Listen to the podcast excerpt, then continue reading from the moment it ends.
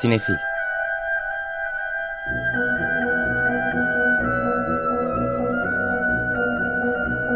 Hazırlayan ve sunanlar Melis Behlil ve Yeşim Burul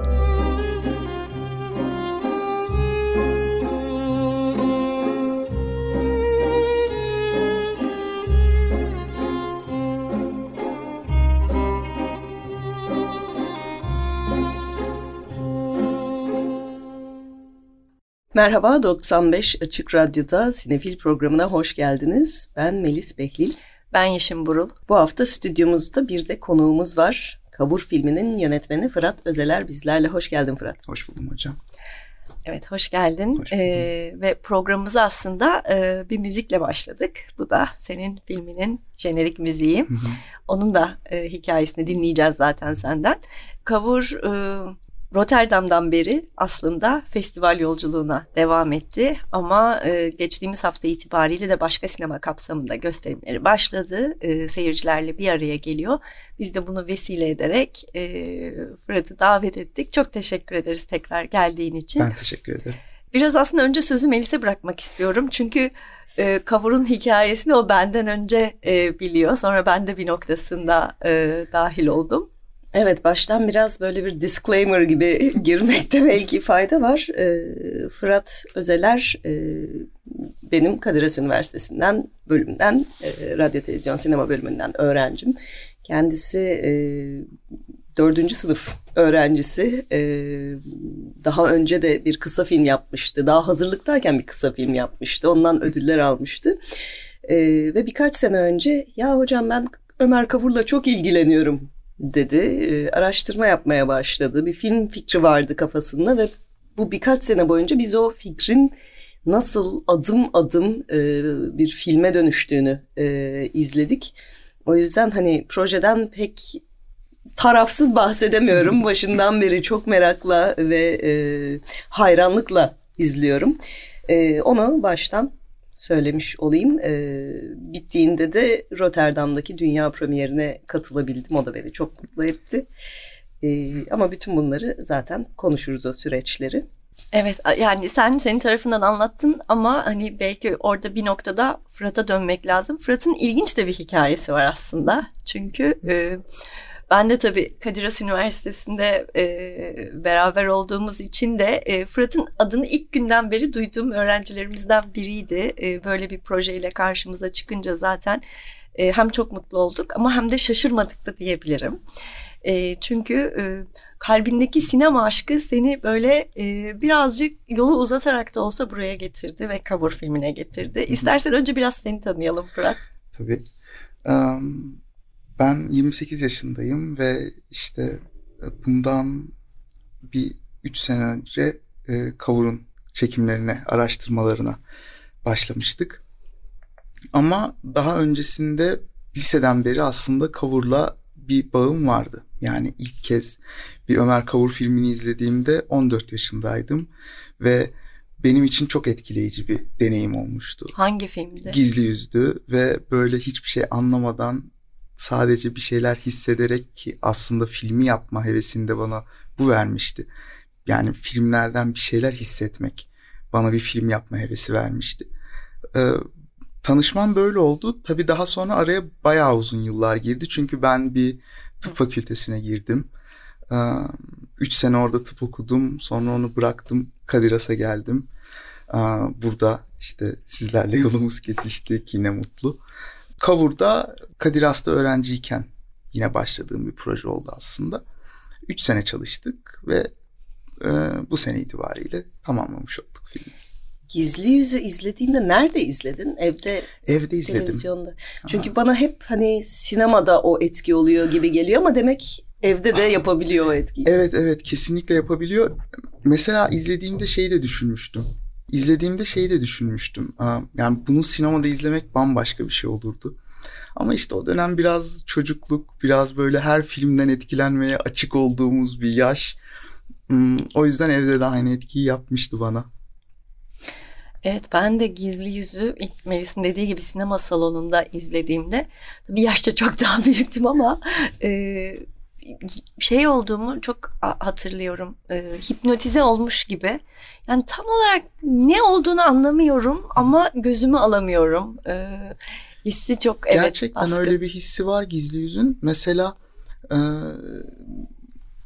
işte Rotterdam'da tanışmıştık. E, Antalya Film Festivali'nde de asıl ilk tanışmıştık. E, Venedik Film Festivali'nin işte programlarından biri. E, ve şey söylemişti bizim projeyi görünce. Çocukken İtalya'da küçük bir kasabada izlediği ilk film Gizli Yüzmüş. Evet böyle küçük bir festivalde.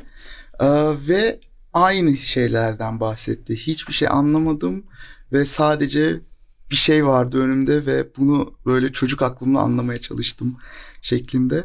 Garip bir film o yüzden insanlar üzerindeki etkisi.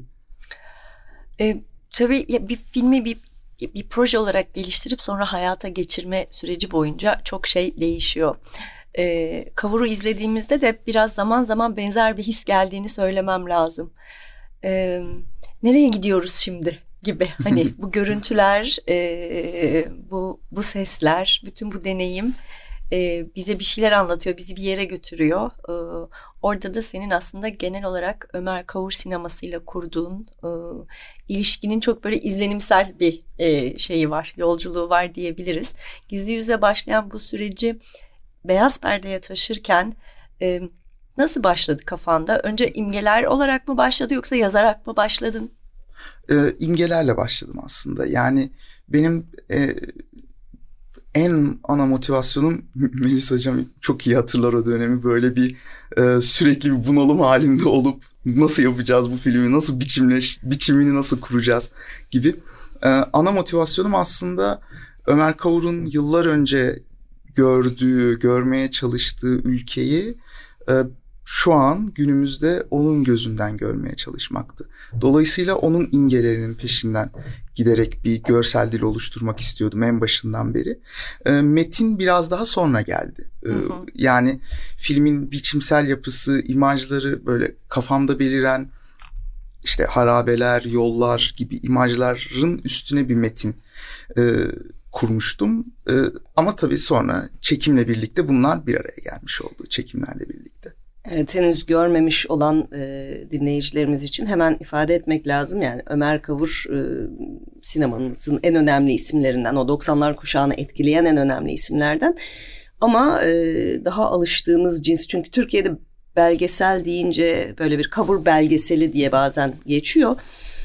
Belgesel demeyebiliriz de kavur filmi aslında kavur üzerine düşünen, kavurla düşünen, e, onun dünyasına giren e, bir film ve o belgesel kurmaca arasındaki e, çizginin zaten ne kadar problematik bir şey olduğunu da bize tekrar düşündüren bir film. O yüzden e, izlediğinizde böyle bir karşınızda size kavuru anlatan ve biyografisini veren bir şey değil. Onun dünyasını tekrar tahayyül eden bir film e, olacak karşınızda. E, onu bir söyleyelim zaten e, senin de tarif ettiğin gibi böyle görüntülerle, seslerle iki dış ses aslında bizi yönlendiriyor. O e, dediğin gibi kavurun e, gördüğü, yaşadığı ülkeye bugün bakıyoruz. Bazı şeylerde de aslında ne kadar değişmediğini de e, her ne kadar Kavur'un e, 20-30 sene önce yazdığı şeylerden onu da söyleyelim. Metinler e, Kavur'un ağzından tırnak içinde diyelim e, bir takım metinler var. Onlar e, geniş bir araştırma sonunda üretilmiş. Pek çok röportajla, onun yazdıklarıyla. Biraz o araştırma hı hı. sürecinden de bahseder misin? Orası orada da çünkü bir dedektiflik hikayesi evet. var. Oraya da gelelim istiyorum. Tamam. Um, ben bu belgeseli yapmaya karar verdiğimde aslında iki kısmı olmasını istiyordum filmin. Yani bir belgesel tarafı olsun. Bir biyografi yapıyoruz aslında bir yandan. Ama bir yandan da kurmaca bir tarafı olsun. Ee, mesele bunları kesiştirmekti. Ee, ve dolayısıyla filme iki anlatıcı olarak kurduk. Bunların ilki Ömer Kavur ve bunun için araştırmalara röportajlarından başladık. Ee, aslında böyle 30 yıl boyunca, 32-33 yıl boyunca verdiği bütün röportajları taramaya çalıştık. Ve başardık da yani böyle birkaç eksikle ulaşamadığımız birkaç eksikle birlikte başardık. Ee, o noktadaki amacım böyle sanki Ömer Kavur oturup kendi hikayelerin e, hikayesini kendi anılarını yazsa nasıl yazardı gibi bir motivasyonum vardı ve bütün o röportajları derleyip e, tarihlendirip e, ayırıp ortak yerlerini birleştirip farklılıklarını ayırıp e, tek bir metin haline getirdik. Bu tabii bize çok yol gösterdi birçok konuda. Sadece röportajlarla kalmadı. Çünkü bir insanın hayatı boyunca anlattığı şeyleri böyle aralıksız okuyunca e, kimlerle ilişki halinde olduğunu, kimleri tanıdığını çok net bir şekilde görebiliyoruz. Arkadaşlarını, dostlarını ve ikinci aşama biraz bu araştırmanın ikinci aşaması da bu insanlarla iletişime geçmekti. Zaten filmin en büyük arşivsel kısmı kişisel arşivlerden e, derlendi.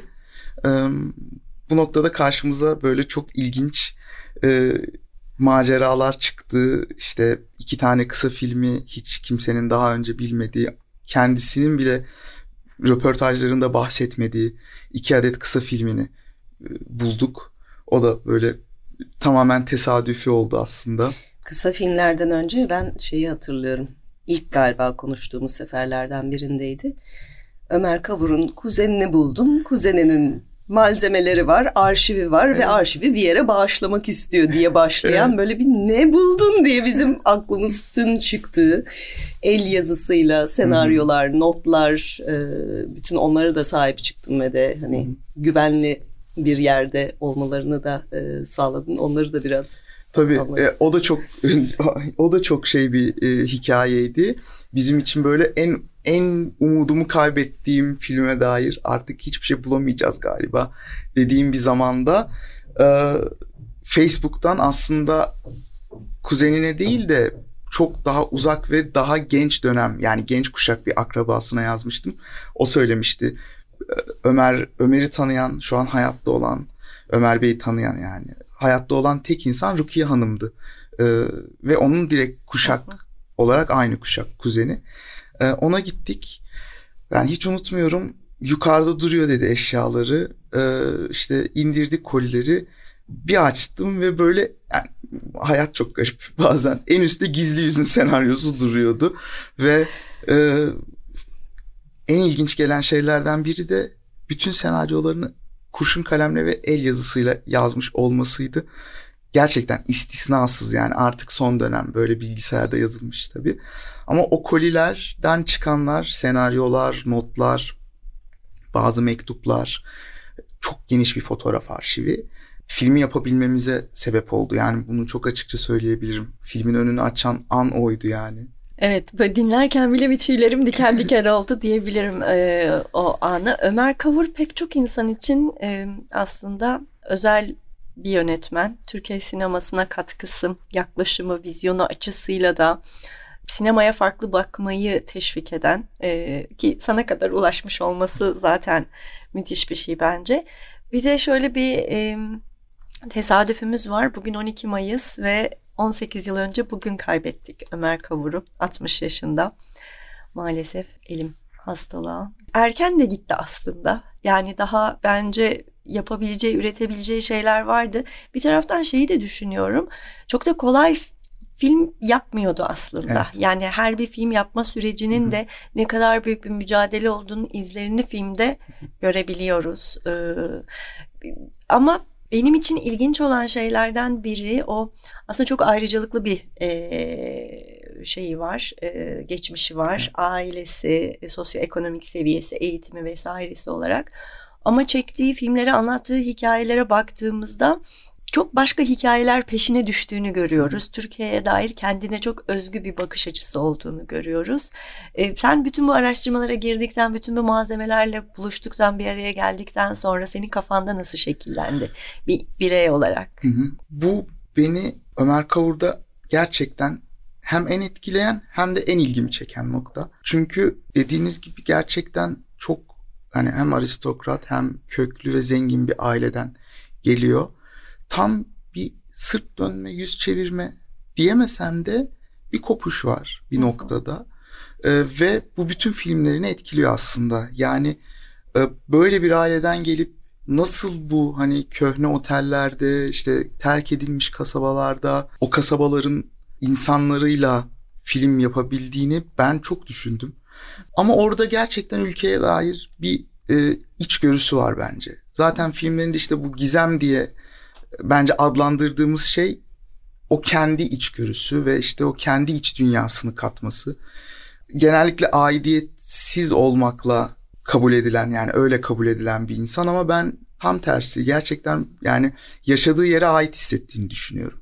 Ve bu filmler bence bunu gösteriyor. Ee, evet kendi film yapma süreçleri zor ve yani Ömer Kavur özelinde e, çok uzun yıllar filmlerine emek harcayan ve zorlanarak yapan bir insan. Çünkü aslında e, burada ailesinin e, imkanlarını kullanmamasının da belli sebepleri var. E, bu da sebeplerden biri. Ben de katılıyorum veya bence de hikayesi bitmemişti yani anlatacak hikayeleri bitmemişti. Hatta zaten vefat ettiğinde de yeni filminin hazırlıklarını yapıyormuş yani benim araştırmalar sırasında öğrendiğim. Evet son dönemlerinde Bilgi Üniversitesi'nde de ders veriyordu ben hatırlıyorum ben daha teori derslerini aldığım için hiç denk gelememiştim ama prodüksiyon çalışan arkadaşlarımız onunla senaryo dersi aldılar ve ne kadar saygıyla ve hayranlıkla bahsettiklerini hatırlıyorum. O Ömer Bey'in dersi ayrı bir şeydi yani. Çok ufak bir burada not düşebilirim. Rukiye Hanım'ın kollerinden o dersin notları da çıkmıştı ve yani 30 sayfa kurşun kalemle yazılmış ders notu vardı. Aslında anlatacağı şeyleri kendi de çalışmış öncesinden. Tabii. Çünkü tabii o. prensipli bir insan gerçekten yani. Çok.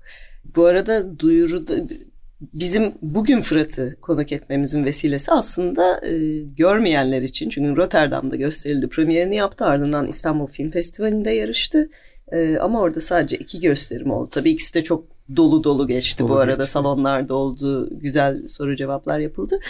Bugünlerde de başka sinema kapsamında gösteriliyor. İlk 9 Mayıs'ta Kadıköy Sineması'nda bir gösterim oldu. Önümüzdeki haftaki tarihleri de paylaşırız. Ee, oradaki bültende şöyle bir cümle var. Ayrıca Kavur'un yıllardır kayıp olan ilk kısa filmi İntihar da belgeselin sonunda salonlarda ilk kez seyircilerin karşısına çıkacak. Ee, yıllardır kayıp bile diyemeyiz aslında. Çünkü olduğunu bile bilmiyorduk sen bu araştırmaya girinceye kadar değil mi? Biraz da o kısa filmler hikayesine gelelim. Tabii. Aa, evet yani kayıp değil yani varlığı bilinmeyen filmler bunlar. Ee, 74 yılında Yatık Emine zamanı bir röportajda işte böyle daha tabii o zamanlar çok genç bir yönetmen Türkiye'ye yeni gelmiş film çekiyor ve işte şey gibi bir soru var Ee, işte ne yaptınız bugüne kadar? Bu arada şeyi de söyleyelim. e, film okumaya Fransa'ya gidiyor. Hani Evet. Ömer Kavur'u biliyordur dinleyicilerimiz ama hayatının bütün Tabii. detayları bilmiyor Fransa'ya gidiyor, Fransa'dan dönüyor. dönüyor ve işte 71 yılında dönüyor. 74 yılında Yatık Emine'yi çekiyor ve gazetede bir röportaj veriyor. Orada işte bugüne kadar ne yaptınız? Hatta e, röportajın başlığı da genç yönetmen Ömer Kavur. Ee, o da diyor ki 71 2-3 sene önce iki tane kısa film yaptım arkadaşlarımla ama hiç güzel filmler değillerdi. Öğrenci filmleri gibiydi. Ama çok severek yaptık. Büyük bir sinema tutkusuyla yaptık. Ve bir daha yok. Yani bu filmlerden bir daha bahsetmiyor. Ölümüne yakın bir röportajda bir kere daha bahsediyor. Ee, ve bu kadar. Benim karşılaştığım ki 150 röportaj taradık.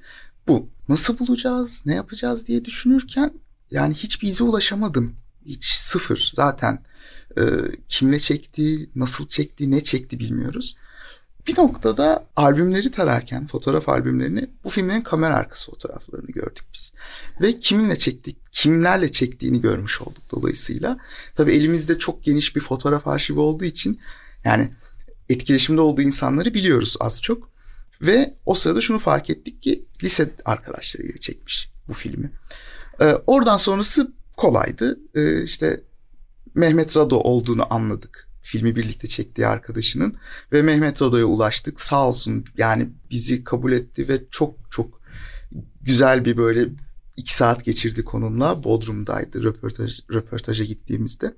Ama Mehmet Rado da dedi ki bende değil bu filmler. Ee, dolayısıyla biz böyle küskün bir şekilde Bodrum'dan ayrıldık. Ama Bir ay sonra, bir buçuk ay sonra bir telefon geldi bana Mehmet Rado'dan. Fırat dedi İstanbul'daki evimde bir kutu varmış kızım söyledi. İçinde 3-4 tane makara varmış 16 milimetre. Ee, ben onları istettim buraya. Ee, onun böyle çok küçük bir 16 milimetre oynatıcısı vardı Bodrum'daki evinde. Ee, ben o makaraları istettim bir kontrol edeceğim. Bir hafta sonra yine bir akşam vakti bir telefon geldi ve çıktı filmler diye böyle telefonu direkt böyle açtı kendisi. Yani zaten inanılmaz tatlı bir insan. Çok çok katkı sundu bize. Bu çıktı filmler dedi. Nasıl yani dedim. İkisi de çıktı. ikisi de benim kutumun içindeymiş dedi. Ve yani bu çok garip bir his. Gerçekten 71 yapımı iki filmde. Ve işte biz bunu bulduğumuzda 2022 idi. 51 yıl. Evet doğru hesapladım. 51 yıl bir kutuda duruyorlar ve bir anda ortaya çıkıyorlar. Çok çok garip. evet yani Ömer Bey'in de dediği gibi çok iyi filmler olduğunu söylemek biraz zor ama ilginç tarafları ilginç var. Böyle tarafları bir var. ilham aldıkları Hı-hı. sinemacılar da belli ki hani avantgard sinemayla ilgilenmiş. Onu bir şekilde e, dahil etmeye çalışmış. E, evet Kavur'un sonunda intiharda görülebiliyor. İntiharda görünebiliyor bu iki filmden biri. Ee, işte Fransa'daki eğitiminin etkisi var bence Hı-hı. bu filmler üzerinde. Ee, bence işte Alain Robbe ile etkisi var. Biraz Maya Deren etkisi var ki sevdiğini biliyorum Maya Deren'i. Ee, ama beni en çok ilgi, ilgimi çeken nokta aslında yıllar boyunca yapacağı ve yaptığı bütün filmlerin izleri var bu filmlerde. Çok garip. Yani takıldığı meseleler, anlatmaya çalıştığı hikayeler aslında hep aynıymış. Ve işte o filmde gizli yüzde görüyoruz, Akrebin yolculuğunu da görüyoruz. O yüzden çok şey, e, çok ilham verici. Evet e, bir taraftan da Melis de hep burada radyo programında da konuşuyoruz. Sinema tarihini biraz da bu yüzden seviyoruz. Çünkü her an e, bir yerden bir kutulardan bir şeyler çıkabiliyor evet. ve o geçmişe dair bir pencere açıyor önümüzde. Tabii sen yani bütün bunları anlatırken gözümün önüne şey geliyor. Şöyle hakkıyla bir sinema müzemiz olsa, bir Ömer Kavur ayrı bölümü galerisi olsa, bu bahsettiğin bütün o malzemeleri biz keşke o el yazısıyla yazdığı senaryoları orada görebilsek. bir e, hani kutunun içinde gibi gibi hayallerimiz var. E, umarım bir gün e, Sinema müzemiz var aslında ama e, vizyonu böyle bir yer değil. Evet hiç e, Ömer Kavur'a dair hiçbir şey yok galiba orada. Yok ama olmaması da normal çünkü aslında aile saklamış bütün e, yani Rukiye Hanım. Ha, adı anılır. Saklamış ama tabii ki öyle. Yani aynen öyle. Hani e, insanların görmesini isterim, isterdim e, bu el yazı senaryolarını çünkü hem inanılmaz bir emek var hem de inanılmaz bir sinema sevgisi var o el yazılarında. Yani ayrı ayrı mesela Akrebin Yolculuğu'nun 10 ayrı versiyonu var ve onun da el yazısıyla tek tek yazmış. Hepsi duruyor, Hepsi duruyor, evet. atılmamış. o kadar or- kıymetli ki.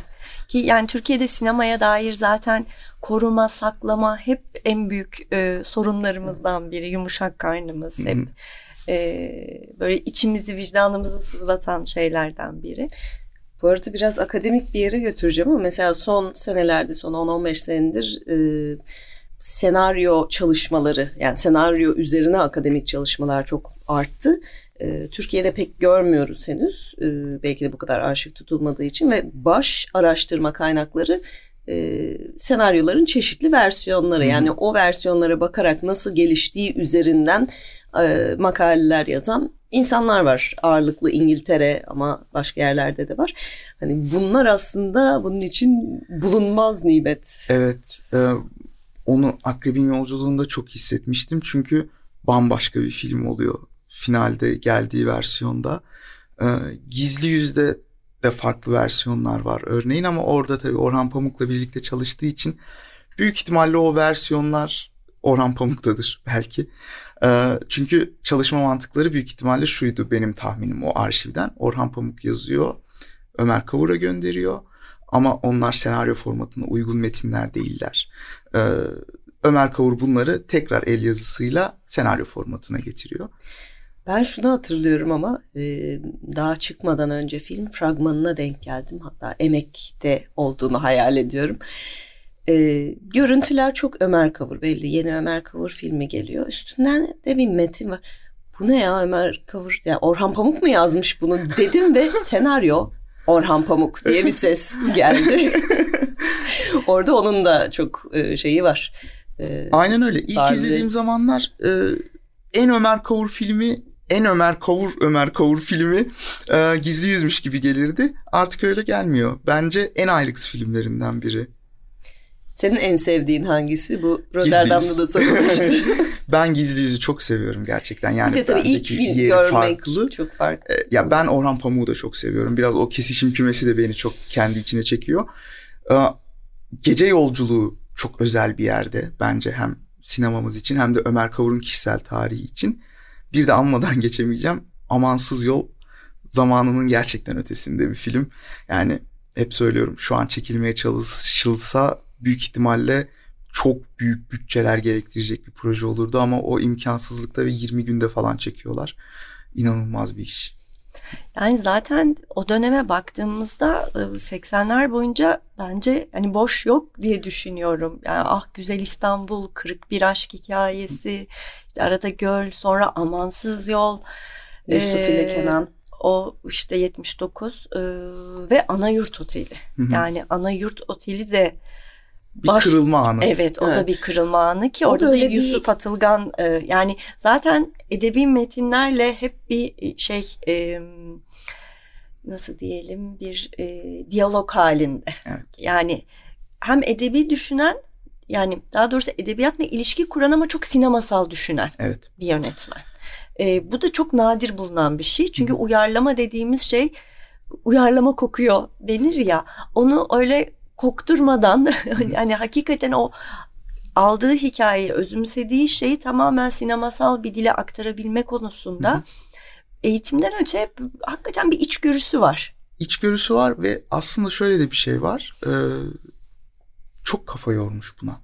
Ee, çünkü hem uyarlamaları çerçevesinde hem de neredeyse bütün filmlerinde uyarlama olmasa da edebiyatçılarla çalışması e, meselesinde çok büyük bir öz farkındalığı olduğunu düşünüyorum ben. Uyarlama yaparken de yaptığı şeyin kitapla aynı olmayacağının farkında. Seyircinin ne olursa olsun bunu eksik bulacağının farkında. Yani o uyarlama kokuyor e, eleştirisiyle karşılaşacağını ki bununla en sert karşılaşanlardan bir Anayurt Oteli. E, bunların farkında ve bunlara çözüm aramış aslında.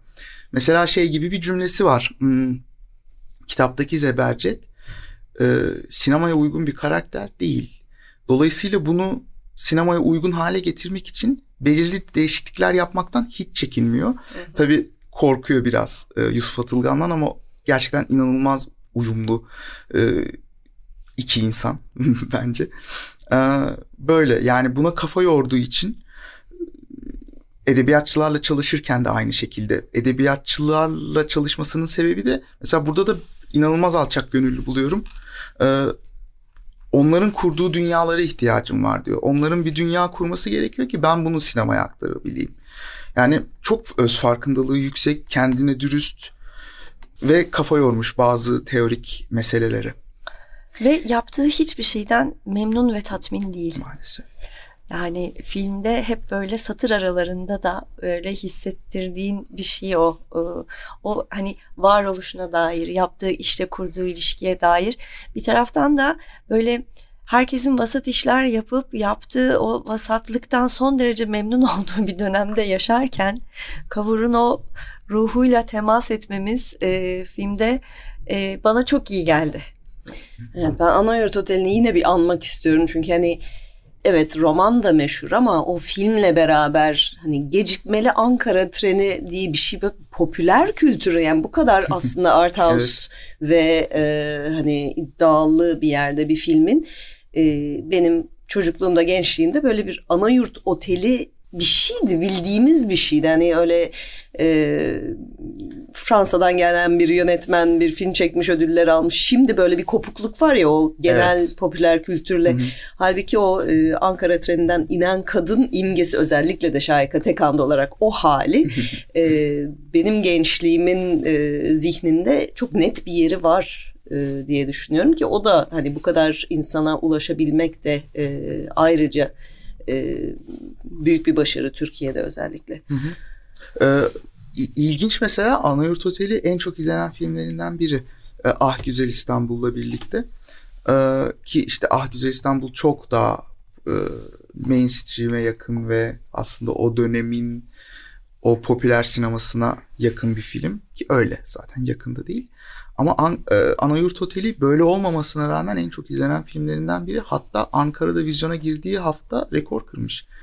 Yanlış hatırlamıyorsam 20-25 bin civarında bir seyirciye ulaşmış bir hafta sonunda ve bu şu an bile hayal bir rakam. Şu anda Art House'lar Mümkün bütün gösteriminde 20-25'e ulaşırsa... 20'ye ulaşırsa büyük bir başarı. Gösterimler demişken senin e, gösterimlerine e, gelelim başka sinema kapsamında. 15 ee, Mayıs akşamı, pazartesi akşamı 9.30'da e, Cadde Bostancı EKM sineması. 16 Mayıs salı akşam 9.15'te Atlas 1948 sineması ki orası biliyorsunuz renove edildi. Festivalde kullanılıyor sadece onun dışında e, kendi bir ufak programı var. E, Atlas'ı özleyenlere de gitmemiş olanlara iyi bir fırsat olur. Sonra da bizi Ankara'dan, İzmir'den dinleyenler için güzel haberler. 18 Mayıs'ta Ankara'da Büyülü Fener'de, 22 Mayıs'ta da İzmir Alsancak Karaca sinemasında olacak. Bunlar da Fırat'ta olacak. Evet, söyleşili evet. olacak bunlar. Ee, soru cevaplar zaten çok e, güzel ve eğlenceli geçiyor. Yani filmden sonra beni en çok etkileyen şeylerden biri de bu yani seyirciyle bir duygu bütünlüğü ve duygu ortaklığı olması. Ee, biz de orada olacağız e, Rotterdam'daki ben ilk soru cevapta vardım. Orada bile hani ne kadar anlayabilir acaba e, dışarıdaki seyirci. Orada tabii hani Türkler de vardı salonda ama e, oradaki programın e, işte programlayıcısı da e, yönetiyordu Q&A'yı ve ki o da çok büyük bir Ömer Kavur hayranı. Büyük bir Ömer Kavur hayranı olduğu için o da çok keyifli geçmişti. Onu da biraz söyleyelim belki e, Rotterdam Film Festivali dünyadaki en büyüklerinden, en özellikle daha yenilikçi sinema için herhalde en önemli Locarno ile beraber iki festivalden biri. Ee, ve oradaki Sinema Regained hı hı. bölümünde gösterildi. Bu sinema tarihi üzerine, sinema üzerine düşünen filmlerin özel davetle katıldığı bir bölüm. Ee, sinemada ya dair belgesellerinde olduğu. O süreci de birazcık hı hı. anlatırsan bize. Tabii. Um, biz filmi tamamlamaya yakın Antalya Film Festivali'nde, Antalya Film Forum'daydık ve aslında orada tanıştık. İFFR'nin e, programırlarıyla. E, ve film ilgilerini çekti. Yani zaten Cinema Regained çok bence yani tematik olarak çok güzel bir bölüm. E, ve böyle kendi bir merak eden bir kitlesinin de olduğu bir bölüm. E, ve işte izlemek istediler ve böyle oldu Rotterdam'a seçilmesi. Ee, işte hatta iki kısa filmini de orada izletmiş olduk. Bu bulduğumuz kısa filmleri orada Hamal'da izlendi e, filmin öncesinde. Ee, Rotterdam gösterimleri ilginç bir deneyimdi benim için. Çünkü hani Türkiye'li izleyicinin ne beklediğini filmden ne bulacağını ve bizim aslında onlara ne sunduğumuz açık. Yani hani zaten Ömer Kavur ortaklığıyla kurulan bir izleme ve izletme deneyimi var. Ama Rotterdam'da bu biraz zordu tabii çünkü Ömer Kavur yeterince orada tanınmıyor. Acaba izleyicin nasıl bir film izleyecek gibi bir soru işareti var kafasında. Ama güzel oldu çünkü işte orada da filmin biraz kurmaca tarafı izleyicinin ilgisini çekti. Kurmaca tarafının etkisiyle Ömer Kavur'un kişiliği ve işte o yalnızlığı, hayatla mücadelesi ilgi çekti. Ee, böyle bir orada da duygu bütünlüğü oldu yani izleyiciyle. Biraz da işbirliklerinden bahsedelim. Hı hı. Çünkü e, seslendirenler tabii e, bu bahsettiğin iki ses çok önemli olduğu için onların kim olduğu da e, burada anmamız lazım. E, Cem Yılmaz ve Funda Er Yiğit e, o ikisi sadece Tilbe Sarı'nın da ufak bir hı hı. bölümü var. E, bu tercihler nasıl oldu? Birlikte çalışma nasıl hı. oldu? Onu biraz anlat bize. Ee, yani burada aslında biz filmi bir belgesel gibi görmeyerek hareket ettik en başta. Çünkü e, bu seslendirmeler klasik bir belgesel anlatısından ziyade bir performatif bir şey var ve bir oyunculuk gerektiriyor bir noktada. E, bir de tabii çeşitli sebeplerle bu izleme deneyimini değiştirmek istiyorduk. Çünkü filmin kurmaca bir tarafı da var, hibrit bir film e, ve e, izleyici salona gelirken bir belgesel olduğunu bilerek geleceği için belli bir beklentiyle geliyor. İşte belki böyle yaşlı ve tok bir erkek sesi duymak istiyor mesela örneğin. Biraz bu deneyimi biz böyle bir ters yüz etmek istedik. Yani biraz daha kurmaca tarafını güçlendirmek için e, belli seçenekler düşünüyorduk. O noktada ben Cem Yılmaz'ın yani hem Yeşilçam'a olan sevgisi, hmm, Türkiye sinemasına olan gerçekten samimi bir sevgisi var ve e, Ömer Kavur'u da çok seviyor. Bunu biliyordum. Birkaç röportajında özellikle Yusuf ile Kenan'ı e, çok severek andığını biliyorum. E, yani o noktada temel motivasyonum e, yani bizi anlayabileceğini düşündüm. Yani Ömer Kavur'un kişiliğini bir karakter olarak Ömer Kavur'u anlayıp e, o performansı sergileyebileceğini düşündüm. Ki yani gerçekten çok memnunum performanstan finaldeki. E, Funda Er Yiğit de aynı şekilde. Funda Er Yiğit'in de kadın karakteri birçok şey katabileceğini ve onu gerçekten içselleştirerek performans gösterebileceğini düşünerek seçmiştik. Ee, yani karar vermiştik. Ee, bunlar böyle oldu. Bunun dışında genel olarak küçük ve birbirini çok seven bir ekiple çalıştık. Evet e, yani şeyi düşününce bu iki ses de aslında iki iç ses bir taraftan. Evet. E, yani iki dış ses iki iç ses e, bir, o, o e, ve kimilerinde bilmiyorum o öyle bir farkındalık yarattı mı böyle ilk dinlemeye başladığımda aa Cem Yılmaz diyorum tabii biliyorsun filme de girerken Hı-hı. bir süre sonra unutuyorsun. Evet. Yani hakikaten Ömer Kavur'u dinliyorum. Ee, e, şeyine hissine çok rahat kapılıyorsun. Bir de tabii filmin yapısından kaynaklanan senin oluşturduğun kurguda da onu da söylemek lazım. Böyle bir lineer biyografik bir şeyden bahsetmiyoruz. Aslında farklı dönemleri, farklı deneyimleri, o döneme dair hissiyatlarını aktarıyor çalıştığınız metinler üzerinden. Ya, o da bence e, yani alışıldık belgesel formatının çok dışına çıkartan bir şey. E, o şeyleri seçerken, o episodları seçerken özellikle neye dikkat etmeye çalıştın? Malzemeler mi daha çok şekillendirdi? Yoksa kafanda özellikle değinmek istediğin dönemler var mıydı? Özellikle değinmek istediğim dönemler vardı. Ee, yani Ömer Kavur'un hayatında onun içinde travmatik ve aslında e, yeni olan belli başlı dönemler var. Belli büyük kararlar aldığı, hayatında belli değişikliklere gittiği. Bu dönemler bizim için önemliydi. Mesela bu yüzden aslında filmleriyle çok da ilgilenmeden iç dünyasına yöneliyoruz. Çünkü asıl fırtınalar orada kopuyor. Yani 10 yılda bir belli varoluş krizleriyle birlikte yeni kararlar, büyük kararlar alan bir insan.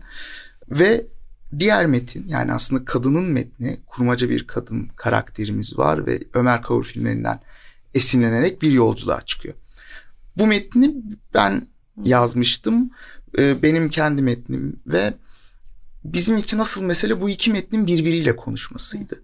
Yani evet bazen monologlar halinde e, uzun konuşmalarla ama daha çok birbirleriyle iletişime geçmesi. Sanki iki insanın birlikte yola çıkmış gibi bir yol filmi yapmak vardı aklımda. Tabii bir de bunun yanında filmin işte sizin de bahsettiğiniz gibi epizodik bir yapısı var.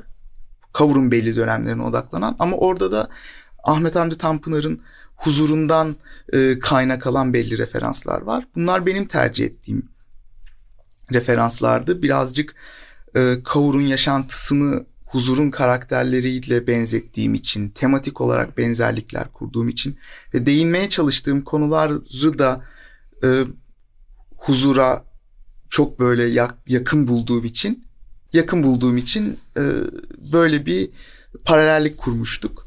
E, bu şekilde filmin aslında yapısı ortaya çıktı. Evet, biraz da ekibin geri kalanını Hı-hı. tanıtır mısın bize? dediğim gibi böyle küçük bir ekiple başladık. Ee, işte Emir vardı yapımcımız ki işte benim yıllardır arkadaşım zaten liseden beri Kavataş Lisesi'nden beri ki Ömer Kavur da Kavataş Lisesi mezunu. Evet İstanbul Film Festivali'ndeki gösterimde bir Kavataş Liseliler evet, sohbetine dönüştü. evet öyle oldu. Ee, çünkü işte birazdan geleceğim müzisyenimiz Başar Ünder de Kavataş Liseliydi. Bunun dışında yine e, kurgu kısmı bizi çok uğraştırdı filmin. Böyle bir 7-8 aya yayılan bir kurgu süresi oldu. Kurguda e, Melis Terlemez benim ki okuldan arkadaşım ki sizin yine öğrenciniz olan e, ve işte İdil Akkuş'la çalıştık. O son bir iki ayında filme üçüncü kurgucu olarak dahil oldu. E, ses tasarımını Yalın Özgencil yaptı. E, müzikleri Başar Ünder yaptı. İşte başlangıçta da dinlediğimiz filmin ana teması ve e, birazdan dinleyeceğimiz e, bu ana temanın Akın Eldes'in harika bir solosuyla e, süslenmiş bir hali. E, unuttuğum var mı acaba?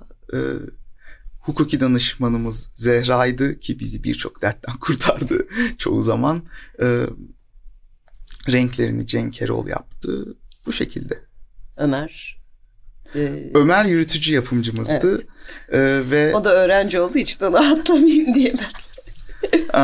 Ömer yürütücü yapımcımızdı ve o da benim okuldan arkadaşım ve çok çok sevdiğim bir insan. Gerçekten birlikte çalışması çok keyif, keyifli.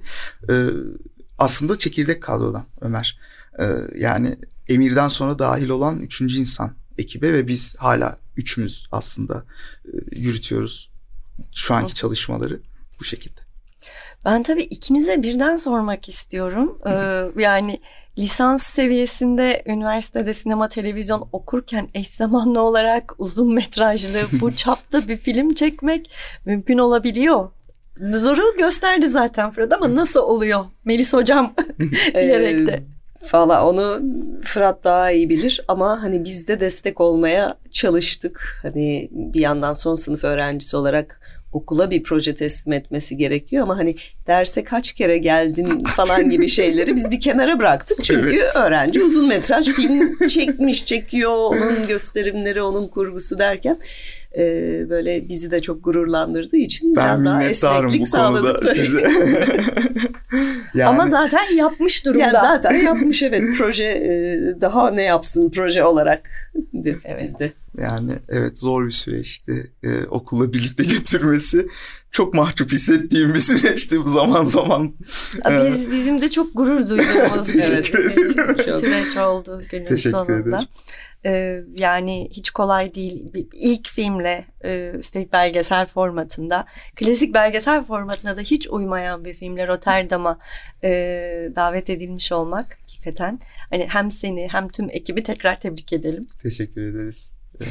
Evet tekrar hatırlatalım ee, başka sinema kapsamında Pazartesi Caddebostan CKM sinemasında Salı Atlas 1948 sinemasında 18 e, Mayıs'ta Ankara'da 22 Mayıs'ta da İzmir'de olacak Kavur yolu açık olsun. Çok teşekkür ee, ederim. Sonra da herhalde bir noktada platformlara gelecek ama nedir bundan sonrası için planlar? Ee, gösterimler devam edecek başka Aha. sinemada. Ee, yani biz aslında birçok şehre götürmek istiyoruz filmi. Şimdi tabii ben bir parantez açmak istiyorum. Malum aslında ülkemizin gündemi şu anda yani başka bir yerdeyiz. Biz burada çok güzel bir sohbet arası verdik. Umarım dinleyicilerimiz de bizimle beraber o arayı vermişlerdir maalesef gündelik hayatımızı ele geçiren hayhuya. E, çünkü yani bu arada dediğim gibi pazar günü evet bizi zorlu bir e, gün bekliyor. Ama kaygıyla da dolu olan bir gün. O gün görevli olmayan çalışmayanlar da e, Bence sosyal medyaya bakarak değil kavuru izleyerek günün bir kısmını geçirebilirler. İnanın size çok iyi gelecek bunu söyleyebilirim. ee, şey de e, yani hemen sonrasında e, gösterimler var. Pazartesi 15 Mayıs CKM tekrar. Salı günü de Atlas Sineması'nda. E, bence çok ihtiyacımız var. Şu anda bu gündelik hayatın ritmine bir mola vermeye de ve başka sinemada devam edecek bu gösterim. Devam edecek. Ee, başka sinemanın dağıtımıyla e, birçok şehre götürmek istiyoruz filmi. E, Mayıs ayından sonra da e, dolaşacak özel gösterimleriyle. Aynı zamanda böyle ufak bir çağrı gibi de olsun. Üniversitelerde ücretsiz gösterimler yapıyoruz. Ee, evet Fıratları davet edebilirsiniz. Bizi dinleyen Türkiye'nin dört bir tarafındaki üniversiteli arkadaşlara da buradan. Aynen öyle. Yani edelim. her yani yeter ki izlensin. Biz hani bunu e, her yere götürmeye varız yani. bunun, bunun için uğraşıyoruz. Evet, sosyal medyada, e, Instagram'da e, Kavur Movie evet. diye e, aradığınızda çıkıyor. E, şimdi çıkışta da zaten jenerik müziğinin Akın Eldesli solosuyla e, evet. e, veda edeceğiz. O yüzden bu Başar Ünder'in müziğinden de biraz bahsedelim. O hangi aşamada dahil oldu? Hı hı. İstersen birazcık müziklerden bahsederek Tabii. kapatalım. Ee, Başar'ın yani Başar'ın müzikleri ben filme gerçekten ruhuna tam olarak uyduğunu düşünüyorum. Ee, kurguya kurgunun bitmesine yakın biz onunla birlikte çalışmaya başladık ve işte 2-3 ay gibi bir sürede bütün soundtrack çıkmıştı ortaya. Bence filmin bir yol filmi olarak ve işte aslında insan bir iki karakterin iç dünyasıyla ilgilenen bir film olarak tam ruhuna uygun müzikler yaptı. O yüzden yani çok seviniyorum onunla çalışmış olduğumuza. Ama bu bütün ekip için geçerli. Yani ses tasarımı için de aynısını söyleyebiliyorum gönül rahatlığıyla örneğin. Ee, şimdi dinleyeceğimiz müzik de filmin ana temasının üstüne işte çok sevgili Akın Eldes'in, Akın abinin çaldığı bir gitar solosu var ve işte jenerik müziğimiz bu. Ee, çok seviyorum ben. Ayrıca şey de belirteyim, soundtrack Spotify'da yakında çıkacak. Çok güzel. Çok teşekkür ediyoruz ben Fırat çok tekrar. Ee, filmin yolu daha daha açık olsun, seyircisi bol olsun. Çok evet, teşekkür çok ederim. Tebrik ediyoruz tekrar. Teşekkür ediyoruz geldiğin için. Böylece programımızın da sonuna zaten geldik. Evet teknik masadaki arkadaşlarımıza ve bu haftaki program destekçilerimize de çok teşekkür ediyoruz. Pazar günü de e, güzel, sakin e, ve huzurlu geçecek bir seçim günü diliyoruz bir taraftan da. Hepimize, herkese iyi seyirler. İyi hafta sonları.